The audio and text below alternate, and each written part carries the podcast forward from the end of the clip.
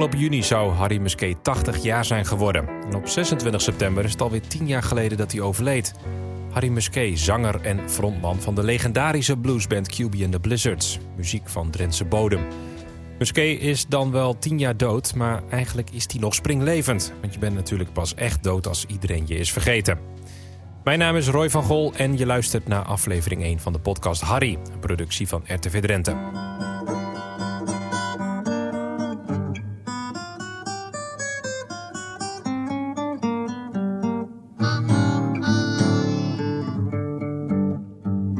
Been so desolate for a long, long time. Ik heb Harry maar één keer gezien. Dat was ook nog eens van grote afstand. Het was in het theater in Stadskanaal. Het zal denk ik 2002 zijn geweest. Ik was nog een jochie uit Smilde van een jaar of elf. Maar was al helemaal gek van gitaren. Alleen van de blues wist ik niets. Mijn vader zou met zijn band naar dat concert in Stadskanaal gaan... maar een van zijn vrienden was ziek. Dus mocht ik mee. Daar zag ik QB en de Blizzards. Maar eerlijk gezegd was ik die avond vooral geboeid door gitarist Erwin Java... met zijn groene Fender Stratocaster. Sorry Harry dat ik niet naar jou omkeek. Maar de blues die bleef wel hangen. Nou, veel jaren later werd ik journalist. en ging ik bij RTV Drenthe werken. Maar Harry leefde toen al niet meer. Alleen zijn radioprogramma Harry's Blues bestond nog. Maar dan alleen door Albert Haan gepresenteerd. Maar met de jaren ben ik mij ook steeds meer gaan verdiepen in Harry en zijn muziek. Ik had hem graag zelf ooit eens gesproken, maar helaas heb ik hem nooit ontmoet. Maar door de verhalen die ik de afgelopen maanden heb gehoord... ben ik hem ietsje beter gaan leren kennen.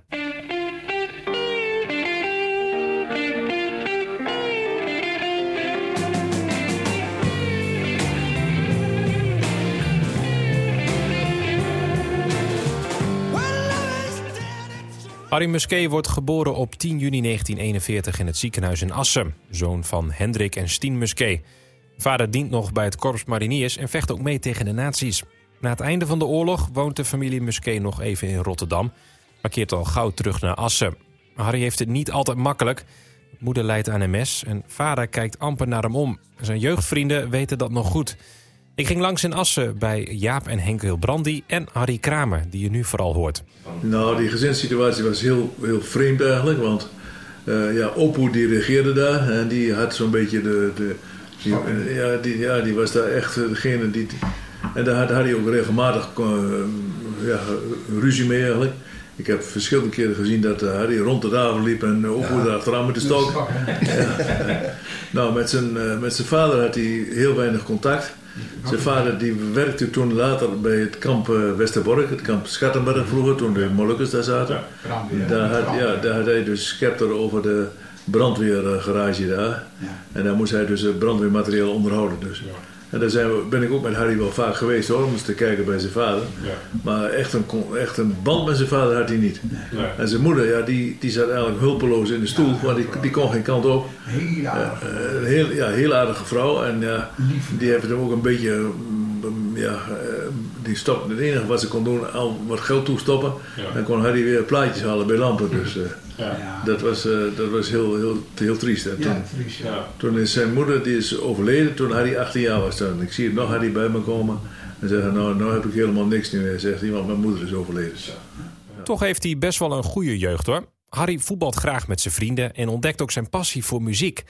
Op zijn radiootje stemt hij graag af op Radio Luxemburg en The Voice of America. Dat zijn geen zenders met keurige burgerlijke muziek. Nee hoor, Harry wordt gegrepen door de klanken van jazz, blues en rock and roll. Dan denk je natuurlijk al gauw aan Elvis Presley. For the money, two for the show, three to get cat, go, but don't step on my blue suede you do anything but blue suede. Ook Little Richard is iemand die de boel op stel te weten zetten in de muziekwereld. En ik denk ook op heel veel slaapkamers van jongeren. Tutti Frutti.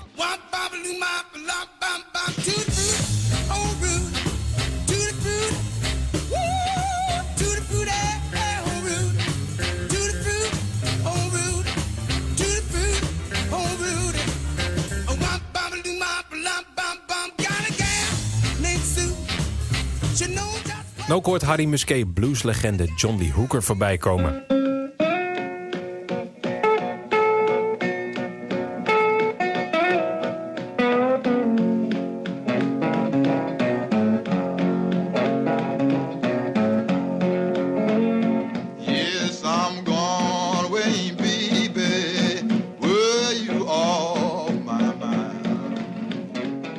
Voor muziek is geboren. Harry wil later zelf ook muziek maken. En hij vindt aansluiting bij twee vrienden van hem, de broers Jaap en Henk Hilbrandi. Je hoort Henk. Maar goed, ik was dus ik was wel vroeg met die muziek begonnen. En eh, ik, ik speelde gitaar. En later, toen ik elf was, begon ik met piano. En eh, nou ja, omdat hij dus veel bij ons thuis kwam en bij Jaap. En, eh, en, en, en die muziek in opkomst was. Hè? De skiffle en eh, de, de vroege rock'n'roll. En nou, de, de, de Fats Domino en de, de, de, de En ook- singeltjes kwamen Bill- op. Bill Haley toen. Ja, dan Bill Haley en, en, en natuurlijk Elvis. Maar goed, dus dat was natuurlijk hoogst interessant. De vrienden uit Assen beginnen eind jaren 50 een eigen bandje, The Mixtures. Eigenlijk is alleen Henk Hilbrandi een getalenteerde muzikant. Maar zoals dat gaat bij je eerste bandjes, de vriendschap is belangrijker. Harry Musquet speelt wat gitaar, maar wordt uiteindelijk contrabassist. Een begenadigd bassist is hij alleen niet, zegt Jaap Hilbrandi. Helemaal niet. Hij heeft ook nooit... eh, had die ambitie ook niet. Nee. Die- maar die ambitie, kijk, eh, maar dat kwam eigenlijk zo. Eh, wij, wij zijn toen met z'n allen een keer naar de Harmonie geweest in Groningen, naar een optreden van Chris Barber. Ja, daar was ik ook bij. Ja. Ja, dat was je ook. En toen daar waren we helemaal, helemaal wild van met z'n allen. En toen hadden we dus echt een Dixieland orkest, ja. Maar we hadden geen, we hadden een blazers, blazers hadden we, maar we hadden geen bassist. Nou ja, wat doe je dan? Je kent Harry Musquet en Ja, die plukte wat aan die dingen. Hè? en eh, het was een vriendenclub, hè? Je, zocht, je keek niet, je zet geen advertentie bassist gevraagd, maar je kijkt van, oh jongen, jij moet bas spelen, joh. Nou, dat vond Harry wel leuk. Maar nou, hij vond het eigenlijk helemaal niet leuk. Maar eh, ja, hij, hij moest wel wat natuurlijk. eh, en, eh, en hij zong daar bij ons ook af en toe. Ja, Di- wat- Gon. Ja. Dilia, dat, Ja. dat, en wat, dus daar is zijn- zang ook een beetje begonnen. Maar ook, ook De Mixtures gingen in die die- jaren over in de Old Fashioned Jazz Group. De band speelt skiffle, Dixieland en ook wel wat jazz. En er wordt ook opgetreden in de buurt. Cruciaal in de ontwikkeling van Musquet is dat de Old Fashioned Jazz Group... een van de twee huisbands wordt in een nieuwe jeugdsoos in Assen, de Blue Corner. Even kijken. Met die contrabas, dat is dit. Dat was in eh 61. Nou, t- toen hebben we net ook al gezegd dat, eh, dat de, de, de Blue Corner werd, opgericht. Dat was een eh, ja, een jongere, eerste jongerenzoos eigenlijk. eh, niet- niet commerciële uh, jongerenzoos, besloten jongerenzoos in Assen. Van Greving was dat. Van Greving, ja. Van Greven, Ja, van Greving. Dat was Varkens, de oude, oh, varkensmarkt. zeg Ja, precies. Dan En- een en- Curiousplein, zeg maar. Ja, ja, ja. Dat was toen En varkensmarkt. En zijn vader was, ja, die was heel vooruitstrevend. Die vond eigenlijk dat we zo'n plek nodig hadden in, als, oh, als, oh, als Dick- jeugd. oh, Ja. De vader dus Ja. van, eh, van Tony en uh, Ja.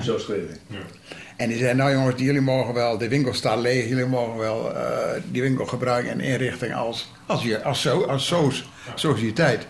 Nou, dat hebben we dus met allemaal eh, slingers en weet ik wat allemaal, landbouwplastic en zo, hè, de hele Ja, verdieping. en een hoop... Podium gebouwd. En het, het leuke, had- er waren twee huisorkesten. De Old Fashioned Jazz Group. Dat waren dus wij met, eh met, met was Harry Muscheet, zoals we in deze bezetting. En de Rocking Strings. Nou, daar zat Eelco bij en Hans, Hans eh, Kins en, Hans en Kins. En eh, Nico Schreuder. Nico Schreuder. middel was van... Nee, nog niet. Nee, nog niet. Willy was er nog niet. En die andere broer van Wim Kins ook. Die Ja. Wim Kins. Nou goed, en we traden zo, dan op zo'n avond om de beurt op. En zij speelden dan vooral nummers van de Shadows en zo. Ja, je hoort Jaap net al wat verschillende namen noemen. Hè? Ilko Gelling, Hans Kins. Die komen je vast bekend voor. Inderdaad, zij zouden ook deel uit gaan maken van de eerste bezetting van QB and the Blizzards. Harry is wel geïnteresseerd in de Rocking Strings. Meer eigenlijk dan in zijn eigen band. Fotograaf Rudy Leukveld die kan zich dat nog goed herinneren. Later zouden hij en Harry elkaars beste vrienden worden, maar in die tijd trekt hij vooral veel op met Ilko Gelling. Ilko zat bij mij in de klas, samen op de ULO. We trokken nog elkaar naar elkaar toe, want eh, ik kwam uit Arnhem.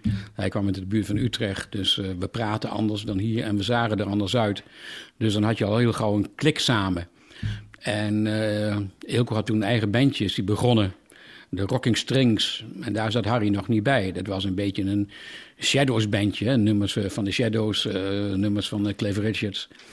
En Harry die speelde eh, contrabas, zover mogelijk wat hij kon, bij de Old Fashioned Jazz Group in Assen.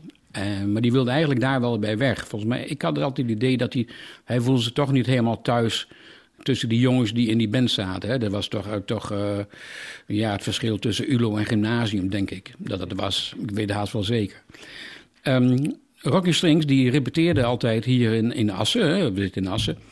Uh, aan de Veenestraat. Dat was een uh, gebouw, dat heet het Brandpunt. Een soort jongerencentrum van die tijd. En er was ook een zaaltje waar je als muzikant kon uh, repeteren. En wat ik zeg, daar repeteerden de, toen nog de Rocking Strings. Ik weet helemaal niet of ze toen al een naam hadden, maar daar, speelden, daar repeteerden hun. En Harry die had wel van hun gehoord en die vond eigenlijk die muziek wel leuk. Wel vlotter dan waar hij mee bezig was. En die ging daar wel eens kijken. Toen op een gegeven moment heeft hij gevraagd van... God, is het niet mogelijk dat ik wat nummers bij jullie mee kan zingen? Terwijl hij volgens mij überhaupt geen zanger was. Maar ze hadden verder natuurlijk niemand nodig. Want de bezetting die stond al. En zo is dat gaan rollen. Hè? Van nummertjes van, uh, van wat Harry zong bij hun. Van Fats Domino, van in het begin van uh, uh, Trini Lopez, If I the Hammer. En daar was ik in die tijd, was ik daar gelukkig ook bij. Want ik deed iets bij dat brandpunt. Ik schreef wel eens stukjes in een blaadje en zo. Dus zodoende kwam ik daar. Harry doet steeds vaker mee met de Rocking Strings. En bij de Old Fashion Jazz Group zijn ze er op een gegeven moment wel een beetje klaar mee, vertelt Jaap Hilbrandi. Op een gegeven moment raakten we onze, onze bassist Harry Musquet kwijt. Dat kwam zo. In de Blue Corner, hè, dat is dus die, kwam hij veel in contact met de Rocking Strings. Hij zong hier ook wel eens bij. Langzamerhand speelde hij meer bij deze groep dan bij de Old Fashioned. Ja. Op een dag was hij weer aan het oefenen in Brandpunt. Ja. Hè, met de Rocking Strings. Met een delegatie van de Old Fashioned Jazz Groep. Eduard, nee, Eduard, Diederik, Henk en ik zijn we er onverwachts heen gegaan. En hebben Harry voor een keus gesteld. De Old Fashioned Jazz Groep of de Rocking Strings. Ja, ik, ik, zie ons daar nog staan, hè? Ja, uh, hij koos toen voor de Rocking Strings. Achteraf bleek dit een goede keuze, want hij werd als blueszanger erg beroemd bij QB en de Blizzards. Achteraf weten we natuurlijk hoe goed die keuze uitpakte. Maar dat Harry het ver zou schoppen als zanger zag niet iedereen aankomen. Rudy Leukveld weet nog goed wat zijn eerste indruk was van Harry Musquet als zanger. Maar ik vond niks. Ik weet dat de eerste keer hier optrad met de band, met die jongens in Assen. En dus heel kort tegen mij, nou, en uh, wat vond je? Ik zeg, ah, ik, zeg uh, ik vind er niet van aan hoor. Ik zeg ook hoe hij eruit ziet, man. Hij staat hier op het podium, het lijkt wel net uh, of hij de laatste krant van zijn krantenrond in de bus heeft gegooid. Nou, dan moest Ilko wel lachen. Maar later bleek dus dat die Musquet dus eigenlijk wel de stempel is geweest op QB and the Blizzards. Eh, daar heb ik wel respect voor. De Rocking Strings bestaan naast Harry uit gitaristen Ilko Gelling en Hans Kins, drummer Wim Kins en bassist Nico Schreuder. Maar de gereformeerde Nico mag niet op zondag spelen, dus hij wordt vervangen door Willy Middel. Ook krijgt de band later een nieuwe drummer, Dick Beekman. Het repertoire van de band verandert ook mee, waarna werd gekozen voor een nieuwe naam, QB and the Blizzards. QB is de naam van de hond van Harry's buren. En de Blizzards, nou, dat woord wordt willekeurig uit een woordenboek gekozen. De band treedt veel op in de buurt en Rudy was daar ook vaak bij. Het waren toen nog niet echt concerten en zo moet je dat niet zien. Er was een vriendenclub uh, die, die, die bij elkaar kwam en eigenlijk een fanclub was van, van, van C plus B, van and the Blizzards. Hè. En uh, die, trokken altijd uh, overal heen waar hun speelden. Op zondagmiddag had je in Drenthe, dat waren de dansmiddagen. Dat de jonge vrijgezellen ook op een brommetje naar uh, Gasselte gingen. Hè, om, om een plaats te noemen. En daar speelden de Blizzards ook. En nou ja, dat was fantastisch. En natuurlijk ben ik ook met hun meegegaan, wel in het busje en, en noem maar op. Maar ook vaak heel gewoon vaak op eigen gelegenheid, omdat, het, ik, omdat ik die jongens kende. Ik kende Willy, ik kende Hans Kins, ik kende Ilko, ik kende Harry. Dit was een soort, soort uh, vriendenclubje. Het waren hele aardige jongens, geen eigenwijze jongens van uh, zie mij eens even goed gitaar spelen. Nee, helemaal niet. Heel toegankelijk. Dus zo kwam het, zo ging dat. En ook in die begindagen is Harry toch wel degene die bepaalt hoe het ruilt en zeilt. Nou, ik vond Harry altijd wel echt de leider van de band. Dat vond hij zelf ook. En, en, kijk, natuurlijk wel altijd meestal met bands zo... Dat, dat de zanger, de frontman, dat die ook een beetje de baas is. Hè? Uh, die bepaalt eigenlijk het gezicht van de band. Want uh, ik, ik weet nog wel dat ze vroeger dat als hij wel eens... Uh, kan natuurlijk heel erg dwars liggen om niks... dat Ilko ook wel eens zei... ja, als hij ermee kapt, kunnen we er allemaal mee kappen. QB en de Blizzard staan bekend als beatgroep... maar waagt zich ook al gauw aan de blues. Hun optredens zijn opzwepend en gaan gepaard met vele liters bier... C B krijgt al een kleine fanschare. De band mag in 1965 voor het eerst de studio in. Er wordt een single opgenomen. Op de A-kant Stumble and Fall, geschreven door Harry en Ilko.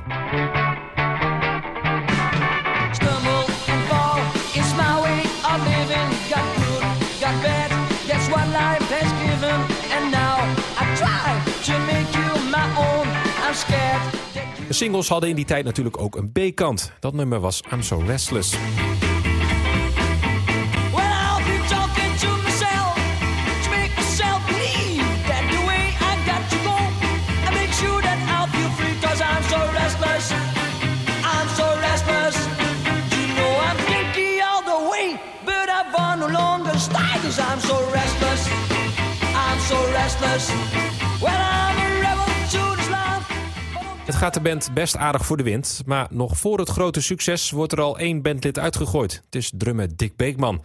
Hij zou geld uit de bandkas achterover hebben gedrukt. Een nieuwe drummer vinden ze in de Groninger Hans Waterman. Die speelde bij de René 5. Hans had QB één keer zien spelen in Winschoten en was diep onder de indruk. Ik was verbijsterd, omdat zij speelde blues en dat kende niemand in die tijd. Dat was, dat was heel speciaal. Zij speelde bijvoorbeeld nummers van Ray Charles, waar niemand zich aan, aan waagde, weet je wel. Maar ook John Lee Hooker en Muddy Waters. Dat, namen kwamen allemaal later toen ik daarbij zat natuurlijk, weet je wel. Ik, ik kende ook, ik had wel favorieten, Fats Domino en, en Ray Charles waren favorieten van mij. Maar potverdorie, daar stond een band zeg. Niet te geloven. Hans is tijdens dat optreden onder de indruk van Musquet, Gelling en de rest, maar andersom ook. Want wanneer Dick Beekman uit de band wordt geschopt, komen ze al snel bij hem uit. Dus het was in, in eh 65 dan dat ik hun gezien heb. En het zal in het najaar van 65 geweest zijn. En ze stonden in die winter die daarop volgde. Of dat nou 5 of 66 was, weet ik niet. Plotseling bij mijn ouders voor de deur, ja. Smiddags. Ja. En eh, ja, god ja, dat, zij, ik liet ze binnen, weet je, als als je hier zit, kopje thee erbij enzovoort. En ik was een beetje nerveus, want ik denk, ja, want ze, ze waren samen allemaal op Dick Beekman na, weet je wel. ja. En eh, ze begonnen me een beetje uit te horen van wat voor muziek ik hield en zo. En ik, nee, ik zei Ray Charles en Fats Domino. Dat bleek precies, dat, dat vinkje ging, werd Ja. onmiddellijk gezet, weet je wel, door hun.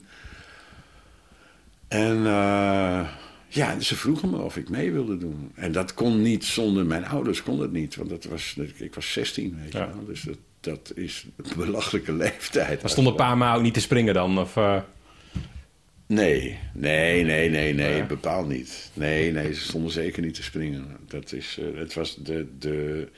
Oké, dat was dus... Ze hebben me gevraagd, ze zijn weggegaan. En toen eh, heb ik ze moeten bellen van mijn ouders... of ze nog een keer wilden komen. En dat vond ik wel heel lullig. Vond ik, vond, godverdorie, moet ik nog een keer, weet je wel. het is allemaal weer deze Want kant op. mijn ja. ouders wilden met die jongens kennis maken. Ja. En eh, toen zijn ze teruggekomen. En eh, toen hadden ze allemaal een pak aangedaan. Het is echt niet te, niet te geloven, weet je. Gewoon met stropdasjes voor de deur. En eh, ja, dat was...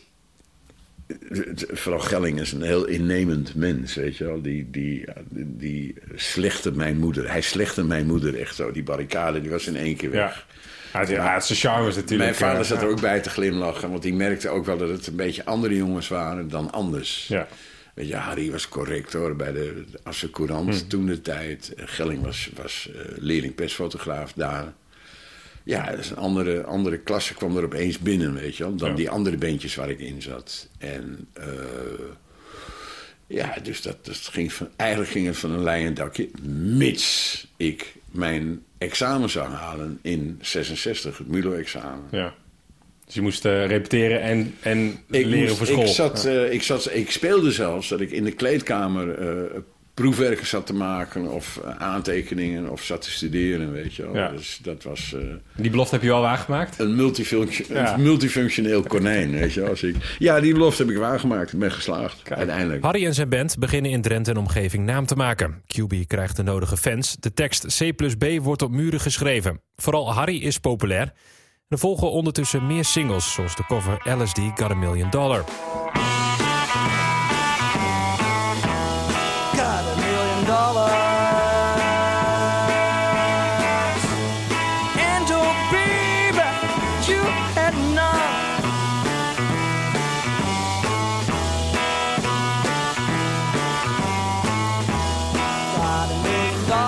Maar ook Your Body Not Your Soul.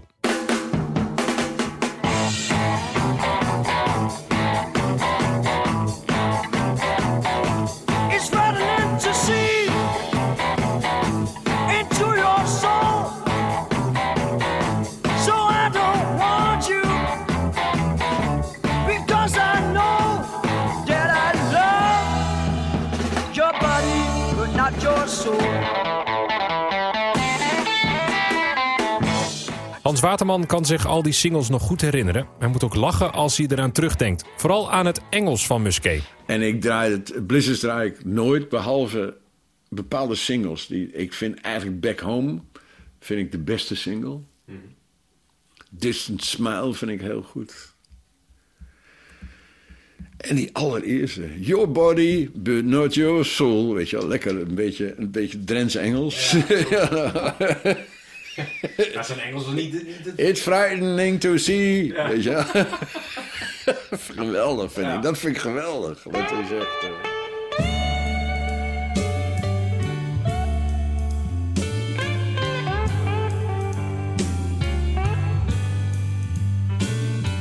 Met Hans Waterman in de gelederen zou QB uitgroeien tot een band van formaat... met Harry als onbetwiste leider. Of de rest dat nou wilde of niet. Je luisterde naar aflevering 1 van de podcast Harry, een productie van RTV Drenthe. De serie wordt gemaakt door mij, Roy van Gol. Ik deed de research, productie, interviews en montage. Sophie Timme deed de eindredactie en Maarten Stultjens luisterde aandachtig mee en gaf ook de nodige tips. Veel dank daarvoor. In de aflevering van volgende week hoor je veel meer over de tropenjaren van de band... met platen als Desolation en Groeten uit Grollo. De podcast is elke zondag te horen in het Radio Drenthe-programma Drenthe Toen... maar natuurlijk ook op elk moment in je favoriete podcast-app. En vergeet anderen niet te vertellen over deze serie.